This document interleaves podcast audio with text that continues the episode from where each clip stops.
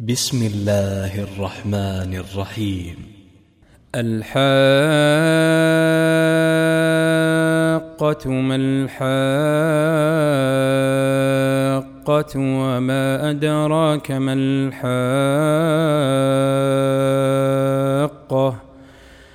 كذبت ثمود وعاد بالقارعة فأما ثمود فأهلكوا بالطاغية. وأما عاد فأهلكوا بريح صرصر عاتية سخرها عليهم سبع ليال وثمانية أيام حسوما فترى القوم فيها صرعى كأنهم أعجاز نخل خاوية فهل ترى لهم من باقية وجاء فرعون ومن قبله والمؤتفكات بالخاطئة. فعصوا رسول ربهم فأخذهم أخذة رابية. أنا لما طغى الماء حملناكم في الجاريه لنجعلها لكم تذكره وتعيها اذن واعيه فإذا نفخ في الصور نفخة واحدة وحملت الأرض والجبال فدكتا دكة واحدة فيومئذ وقعت الواقعة وانشقت السماء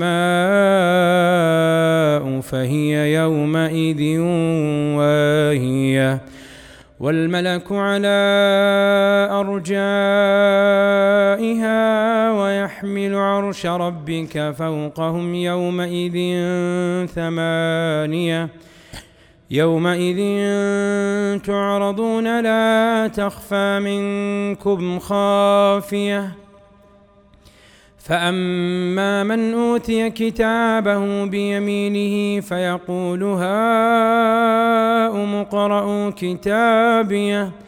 إني ظننت أني ملاق حسابيه فهو في عيشة راضية في جنة عالية قطوفها دانية كلوا واشربوا هنيئا بما أسلفتم في الأيام الخالية واما من اوتي كتابه بشماله فيقول يا ليتني لم اوت كتابيه ولم ادر ما حسابيه يا ليتها كانت القاضيه ما أغنى عني ماليه هلك عني سلطانيه خذوه فغلوه ثم الجحيم صلوه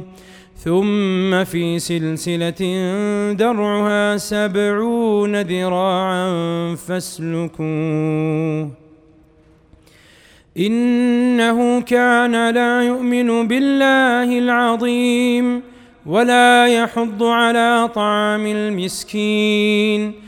فليس له اليوم هاهنا حميم ولا طعام إلا من غسلين لا يأكله إلا الخاطئون فلا أقسم بما تبصرون وما لا تبصرون إنه لقول رسول كريم وما هو بقول شاعر قليلا ما تؤمنون ولا بقول كاهن قليلا ما تذكرون تنزيل من رب العالمين.